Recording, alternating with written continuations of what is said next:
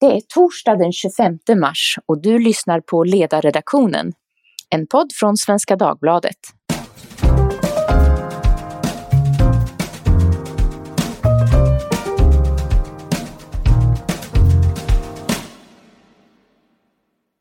Jag heter Maria Ludvigsson och ämnet för dagen är inget mindre än den akademiska friheten. Och för att diskutera den har jag sällskap av två medskribenter på Svenska Dagbladets ledarsida. Det är Inger Enqvist, professor emerita i spanskspråkig litteratur och specialiserad på utbildningsfrågor. Och Anders Sundell som är universitetslektor i statsvetenskap på Göteborgs universitet. Varmt välkomna båda två. Tack så mycket. Tack så mycket. Eh, ämnet eh, är ju egentligen ständigt aktuellt. Eh, men så är det ju bland vissa händelser som gör det särskilt eh, spännande att ta upp det. Eh, och nu allra senast så handlar det om en föreläsning för masterstudenter i sexologi som filmprofessor Maria Larsson skulle hålla, men hon avbröts. Eh, detta skedde på Malmö universitet för inte så länge sedan och det här tycker vi kräver en alldeles egen podd. Maria Larssons föreläsning handlade om rasistiska sexuella stereotyper med exempel hämtade från film, konst och idéhistorien, står det. Och Maria Larsson hon beskriver själv i en artikel i Sydsvenska Dagbladet den 16 mars att hennes föreläsning innehöll bilder för att exemplifiera det hon berättade om. Det kan man ju tycka inte är något särskilt revolutionerande grepp, Eh, inte minst med tanke på att kursen heter Sexualiteten i ord och bild. Nå, Maria Larsson hon visade alltså bilder på Fazers kinapuffar och lakritsstång. Det är godis som vi har diskuterat förr. Även bild på Max von Sydow som den onde kejsaren Ming i Blixtgarden. Också Stina Wirséns Lilla hjärtat Eh, Larsson hade flera bilder att visa men hennes föreläsning avbröts alltså av några av studenterna. Eh, men om de inte hade avbrutits så har man förstått att de även hade fått se bilder på Marilyn Monroe och Madonna. Samtliga bilder föreställde alltså den sortens stereotyper som studenterna skulle studera. Nu måste jag till er båda ställa frågan, kan ni förklara vad som hände för oss som inte är i den akademiska världen?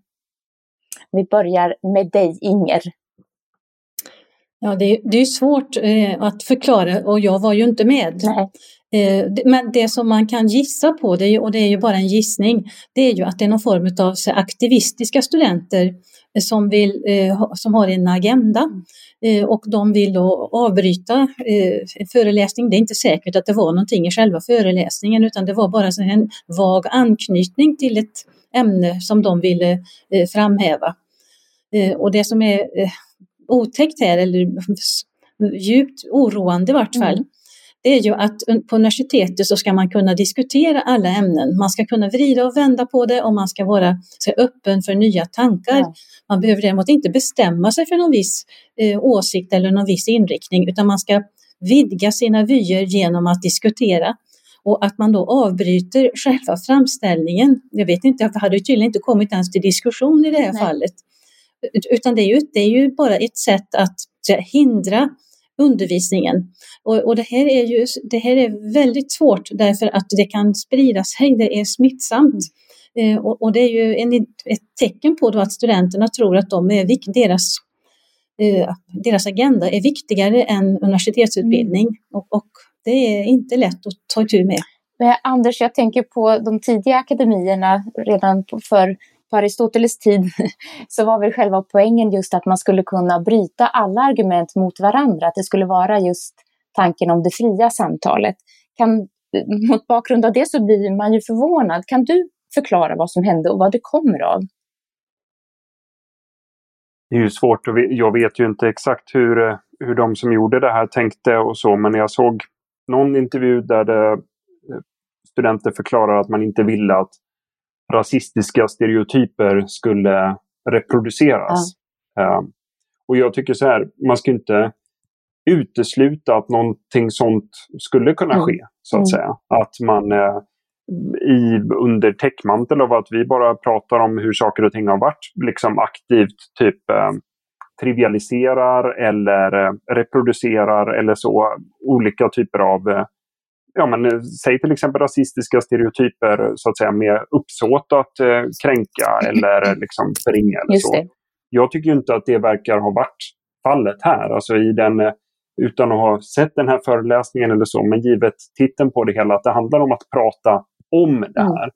Och Då tycker jag att det finns eh, en, eh, ett litet misslyckande här då från studenternas sida att distansera sig själva och föreläsaren från det man pratar om. Eh, så att säga.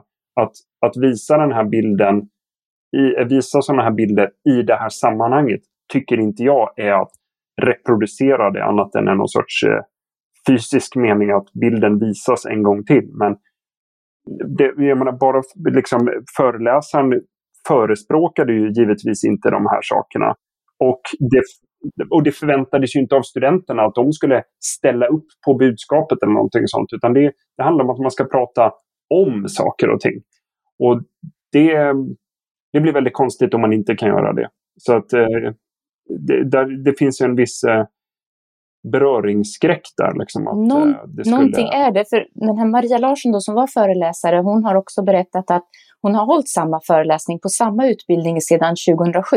Men det var först nu som det blev protester. Inger, du ville säga någonting om detta?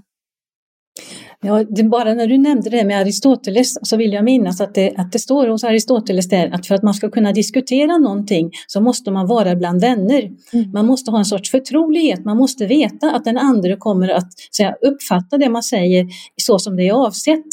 Och vad vi ser här det är en sorts misstro mot föreläsaren. Så att tanken att, svenska, att föreläsare vid svenska högskolor skulle vara öppet rasistiska är ju så väldigt främmande för oss. Det, det, det, är väldigt egendomligt. Och det är väldigt egendomligt att man då agerar innan det ens är, det, det finns någon sorts tecken på den saken. Och det, här, ja, och det här gör ju att det här är inte en vanlig, en vanlig del i en diskussion som kan tänkas förekomma på en högskola, utan det här är en, en sorts aktivism som, som ligger vid sidan om det, som, det normala samtalet på en högskola. Just det. Anders, vad säger du om det? Att detta är, eh, det fanns naturligtvis inget sådant uppsåt, men att det tolkades på ett sätt och att det då inte blev eh, ett typiskt akademiskt samtal, utan det blev mer av en, en politisk eh, aktion. Ja, jag tycker det, det är intressant det som Inger säger, för att i den här diskussionen om den här typen av protester mot sånt här så pratas det ibland om trygga rum. Att man vill ha ett tryggt rum där man inte då utsatts för liksom, rasistiskt, eh, rasistiska bilder eller sexistiskt språk eller sådär. Men som Inger säger så det, finns det ju ett annat, att vi vill ju ha ett akademiskt tryggt rum där vi litar på att nu försöker vi göra vårt bästa, vi som är i det här rummet, för att lära oss någonting och förstå, förstå och kunna diskutera på ett bra sätt utan att man misstolkar varandra. Det är ett, det är ett annat sorts tryggt rum. Men, men det, alltså så här, jag, jag tar avstånd från det som har hänt här och eh, jag tycker att det verkar konstigt. Men man ska liksom inte, det ska inte uteslutas att det här hade kunnat göras på ett, på ett dåligt sätt.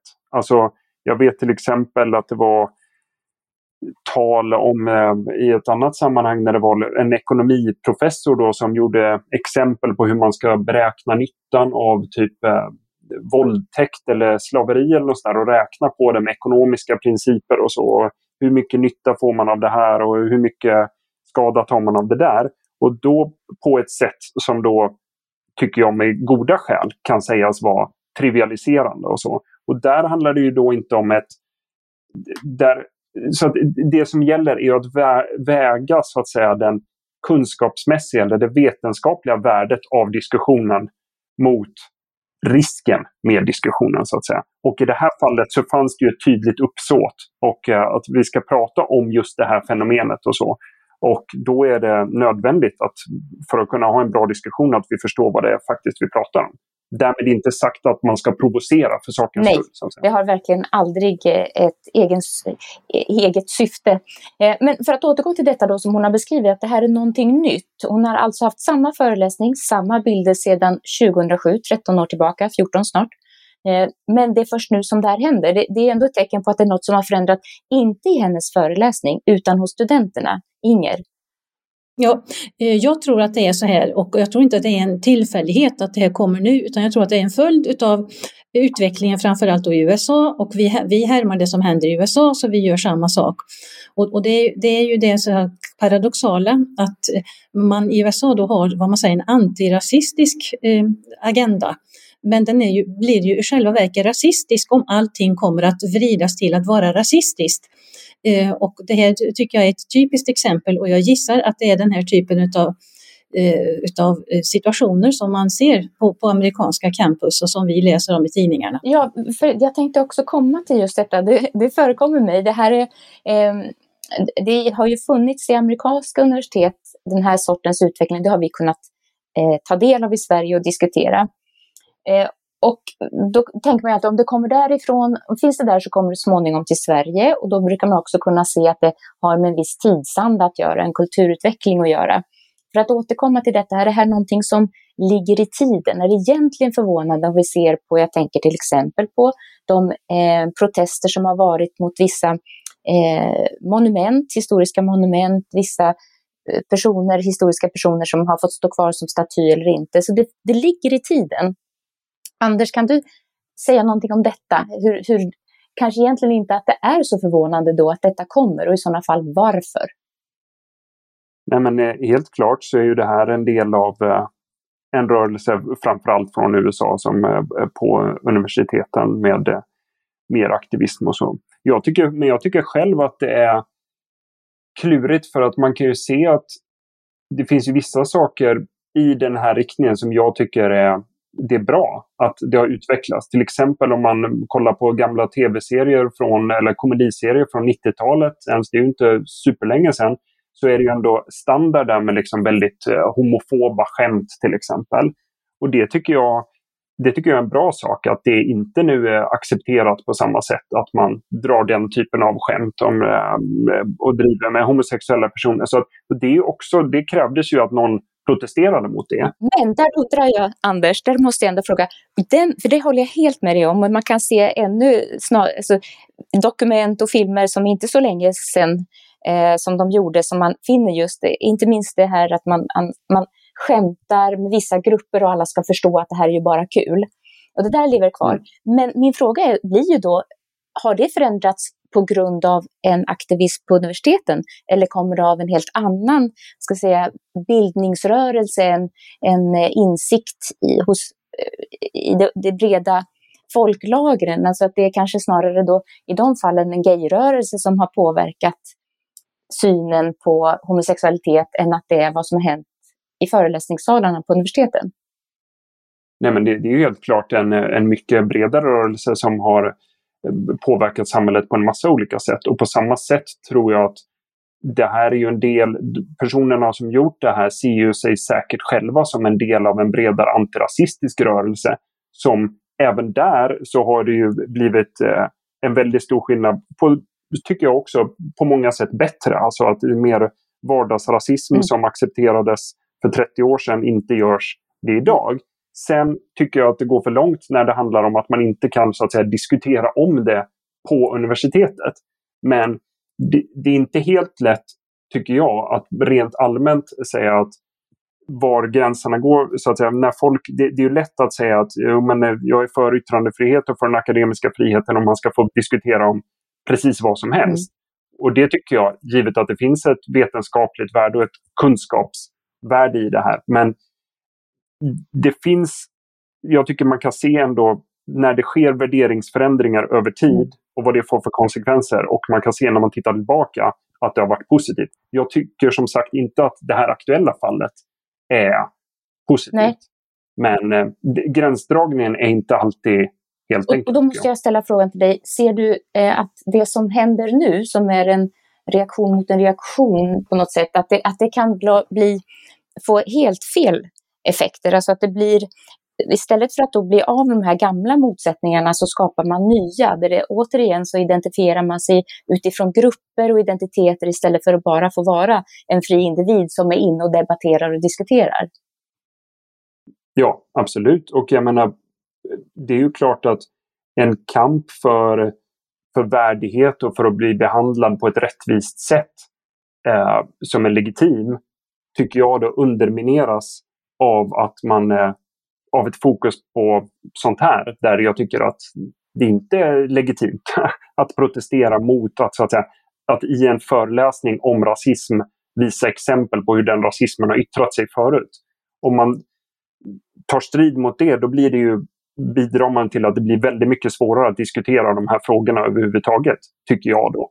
Och då tycker jag att man skadar saker. För det finns ju motsvarande problematik inom den, det politiska samtalet där man är så angelägen om att visa att man bryr sig om vissa grupper, att till slut så pratar man bara om grupper och utgår ifrån att alla man ser framför sig, alla väljare tillhör en grupp och representerar en grupp snarare än en åsikt eller eh, sin person. Så att det blir, istället för att slippa grupptillhörighet så blir det egentligen bara grupptillhörighet som finns kvar. Inger, vad säger du om den tanken? Ja, det är ju en, alltså en risk att, man, att alla placeras in i grupper. Men när jag sitter och, och lyssnar till samtalet här va, så, så jag, jag skulle vilja vrida det lite grann. Eh, jag, jag ser ju följden av det här, det är att eh, den här föreläsningen kommer inte att ges. Man kommer kanske att stryka kursen, för man, man ser ingen anledning att eh, för föreläsaren att bli utsatt för det här en gång till. Så det blir alltså ämnen som skärs, skärs bort ifrån universitetet. Och det andra är ju också då att ämnet blir så, så eh, svårhanterat att många kommer att eh, vägra att delta. De kommer att inte vilja delta. Andra studenter som satt i gruppen kanske kommer att akta sig noga för att delta i diskussioner om det här. Eh, så att jag tror att det breder ut sig en tystnad och man skär bort. Och, och sen så menar jag också att det är fel att universitetet är ju då för intellektuell utveckling. Det, det var, var det här blir då en, en, aktiv, en aktivism, en sorts fokus på studenternas identitet, studenternas uh, idéer om den här saken. Var är så att säga, den akademiska utvecklingen? Var är böckerna? Var är teorierna? Var är studierna? Var är den historiska utvecklingen? Man, man så att säga drar allting till, till dagens tyckande. Och, och, och jag, jag, vill gärna då säga, prata om ett historiskt perspektiv. Jag tror att det är bland det viktigaste som universitetet kan ge. Det är att förstå hur saker har ändrat sig. Och, och då, då, det, även det här ändrar sig ju. Det, det, det, eh, vi, vi pra, det risken är att vi kommer att prata om fel saker på universitetet. Vad vore rätt saker att tala om? Jag, jag pratar ju då gärna om, om eh, historia. Och jag pratar ju gärna då om att man studerar ett visst verk. Nu, nu verkar det som att föreläsaren i det här fallet tog olika exempel. Och då är det ju säga, föreläsaren på något sätt som har valt exemplen. Men man kan ju säga, ta ett enda verk, man kan ju gå in på en film, man kan ju läsa en bok och så kan man fråga sig då, eh, vad, om, det nu, om det nu är ras som man vill diskutera, hur hanteras de här personerna, hur hanteras perspektiven? Eller man kanske, det kanske inte är, är, det kanske finns andra saker att, att, diskutera i en bok. Det kanske finns tio teman, det här kanske är ett tema. Så att saker får rätt proportion i verket i fråga. Mm. Jag tänker på också den akademiska friheten som vi alla säger att vi håller högt. Eh, och då brukar man snarare sätta, säga att det, det, politiska kommer ifrån just partipolitiskt håll och det vill man ju eh, naturligtvis och med all rätt skydda universiteten från. Finns det en risk för att den akademiska friheten också utmanas av eh, populära rörelser, av att politik som kommer in på universiteten fast kanske inte just främst via de, de eh, politiska partierna? Ja, det, det, är klart att det gör. Och det, jag kan börja men Anders har säkert mycket att fylla i här. Det är ju så att eh, eh, till exempel Vetenskapsrådet som delar ut då forskningspengar, de får ju uppdraget av regeringen och de, att kanalisera pengarna åt vissa håll. Och regeringen eh, tenderar ju då förstås att kanalisera det åt, åt områden som de vill främja på olika sätt. Till exempel till genusfrågor eller till miljöfrågor eller till, till vad det nu är Eh, en rad frågor som har anknytning till politiken eh, och som kan, som kan hanteras mer eller mindre eh, så vetenskapligt politiskt, för det blir en, en blandning. Och, och det här är ju, man förstår så att säga att detta är en frestelse eller, eh, från, från politikernas sida. Och samtidigt så vill man ju gärna inom akademin säga att det är faktiskt vårt långsiktiga arbete som, vi, som kanske är viktigare. Det är att vi under lång tid bygger upp en, en så stabil kunskap på en rad områden som man inte alltid vet i förväg att de kommer att bli viktiga senare. Vi tycker att, att det är så att säga vår, vår, stora, vår stora bidrag till samhället, att vi finns där och har den här kunskapen. Anders, vad säger du om detta med den akademiska friheten och de politiska, polit, politiska svängningarna? Jag tycker att som, som Inger säger så är det ju långsiktigheten, alltså det som jag tycker är universitetets genidrag är att man kom på, eller jag vet inte om någon kom på det eller om det bara blev så, men att man skapar en institution där folk får möjlighet att tänka fritt och följa sina egna frågor och se var det tar vägen. Och sen lät man dem vara, så att säga. Och det är det som har skapat väldigt stora landvinningar, när folk har följt tankegångar utan nödvändigtvis att veta riktigt vart det skulle ta vägen. Men det går ju emot ganska mycket, tror jag, hur folk... Eller det tar ju emot, så att säga. Alla vill ju vara med och bestämma och att det ska bli något bra av saker och ting. Och det, eh, det är ju svårt att, så att säga, som politiker då, eller skattebetalare kanske och, och, och, och, och lugna sig och hålla, eh, hålla fingrarna i styr så att säga och inte vara med och påverka där då eh, och, och försöka styra för jag tror att det blir sämre eh, ju mer man styr. Men då får man också acceptera att det kommer göras en del forskning som jag tror att, jag menar det är också, nu klagas det en del på politisk styrning men det är också ett återkommande klagomål från, inte vet jag, mannen på gatan att det görs eh, mycket meningslös forskning. Och man tycker varför håller ni på med det här? Vad är det här för navelskåderi eller slöseri med pengar eller så? Och det görs ju mycket sån forskning som även jag tycker är så här. Vad var poängen med det här? Och är det här verkligen nyttigt eller nödvändigt? Men det får man ju tyvärr då acceptera att eh, det görs mycket sånt om man inte ska vara med och eh, peta för mycket själv. Eh, jo, men givet då att det är offentligt finansierat det hela så kan man ju förstå att många har synpunkter på det som kommer ut av det. Men det är snarare en fråga om, om finansieringsformen. Men den akademiska friheten är ju inte bara själva eh, universitetets frihet och den som institution, utan också friheten för alla studenter att just kunna finna ett rum där man kan ha ett samtal, där man verkligen får använda sitt intellekt och, och testa nya tankar och nya sätt att eh, läsa klassiska verk på eller vad det kan vara. Och det verkar ju som att det också tar skada av detta. Så det är inte bara för universitetslärarnas skull, utan det är också för de studenter som drar sig till universiteten som kanske vill uppleva någonting annat. Och vad, vad kan man då göra mot detta? Jag tänker att det, det måste vara upp till eh, lärarna och eh, forskarna så att säga, att man måste lita på dem.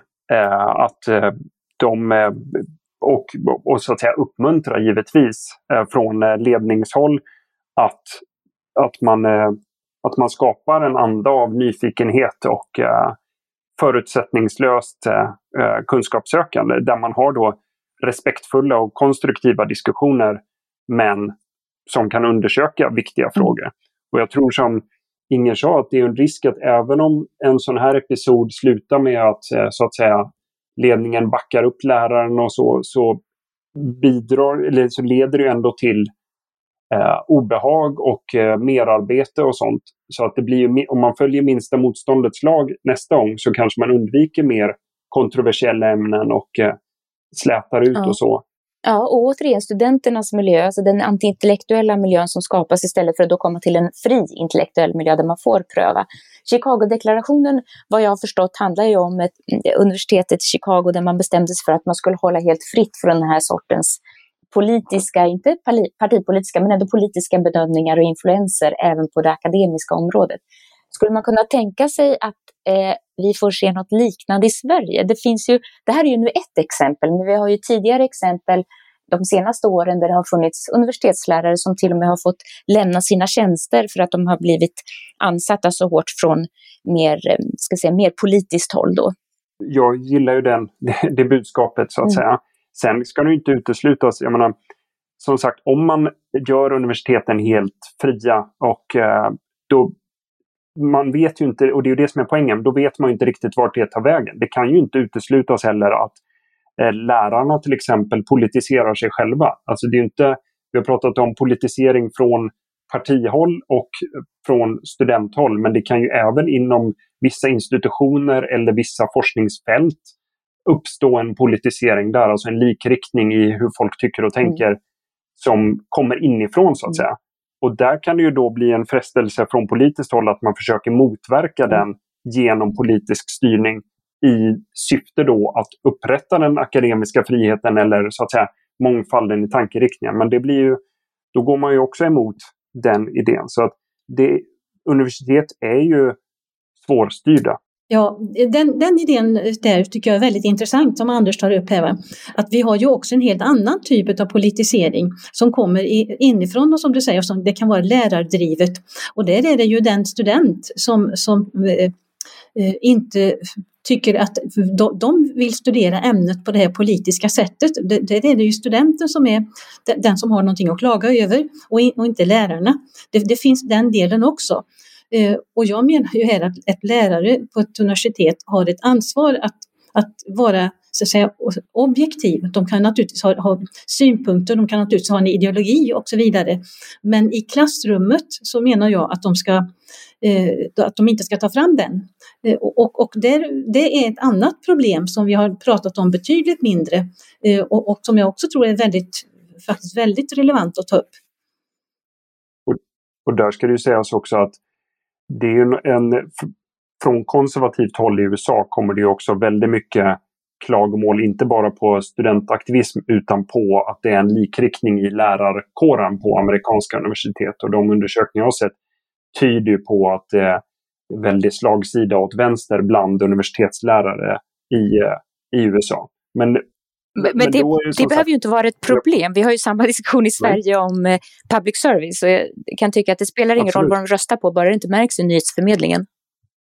Nej, precis. Och, och då, jag tycker att det gäller ju då att, eh, att upprätthålla, om man vill hålla på principen med akademisk frihet, att man inte frestas då att gå in och försöka styra upp den där. För min erfarenhet är att det är ganska få personer som på, som på riktigt är för neutrala spelregler, utan man är oftast för spelregler när man tycker att de andra bryter mot det, så att säga. Men sen vill man själv gärna bryta lite mot det om det är för att få till det man själv vill då, så att säga. För att motverka politisering så måste vi nu politisera lite grann och så. Så att om man verkligen vill ha akademisk frihet eh, och självständiga universitet, då kommer det bli sidoeffekter eh, av olika slag. Inger, du får avsluta just den här diskussionsrundan, för sen måste vi snart sluta.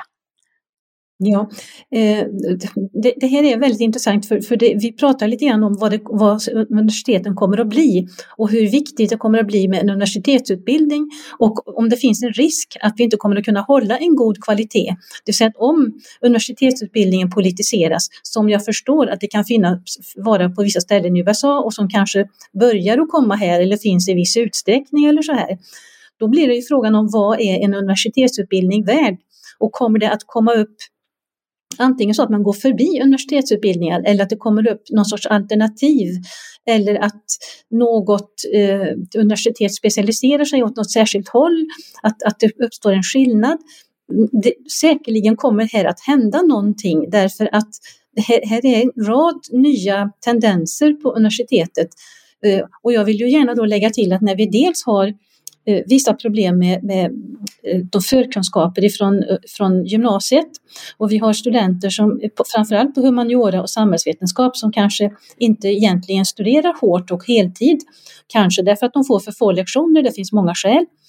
Eh, och vi dessutom har då tendenser till politisering och vi kanske har tendenser att undvika vissa ämnen. Så är det här en rad olika så här, oroande tecken som kan så säga, samverka till att en universitetsutbildning blir inte den så här, intellektuella eh, förbättring eh, som, som en ung person har rätt att förvänta sig av ett universitet. Eh, det är, det är möjligt att vi står inför en sorts förändring och eh, det är mycket svårt att säga om hur det här kommer att sluta. Mm. Tack så mycket Inger Enqvist och tack Anders Sundell och välkomna åter båda två. Eh, detsamma till er som lyssnat och så ett stort tack till Jesper Sandström som är den som producerar våra poddar. Till er som har lyssnat så vill jag säga att ni gärna hör av er med synpunkter och idéer till ledarsidan svenskadagbladet.se. Tack så mycket!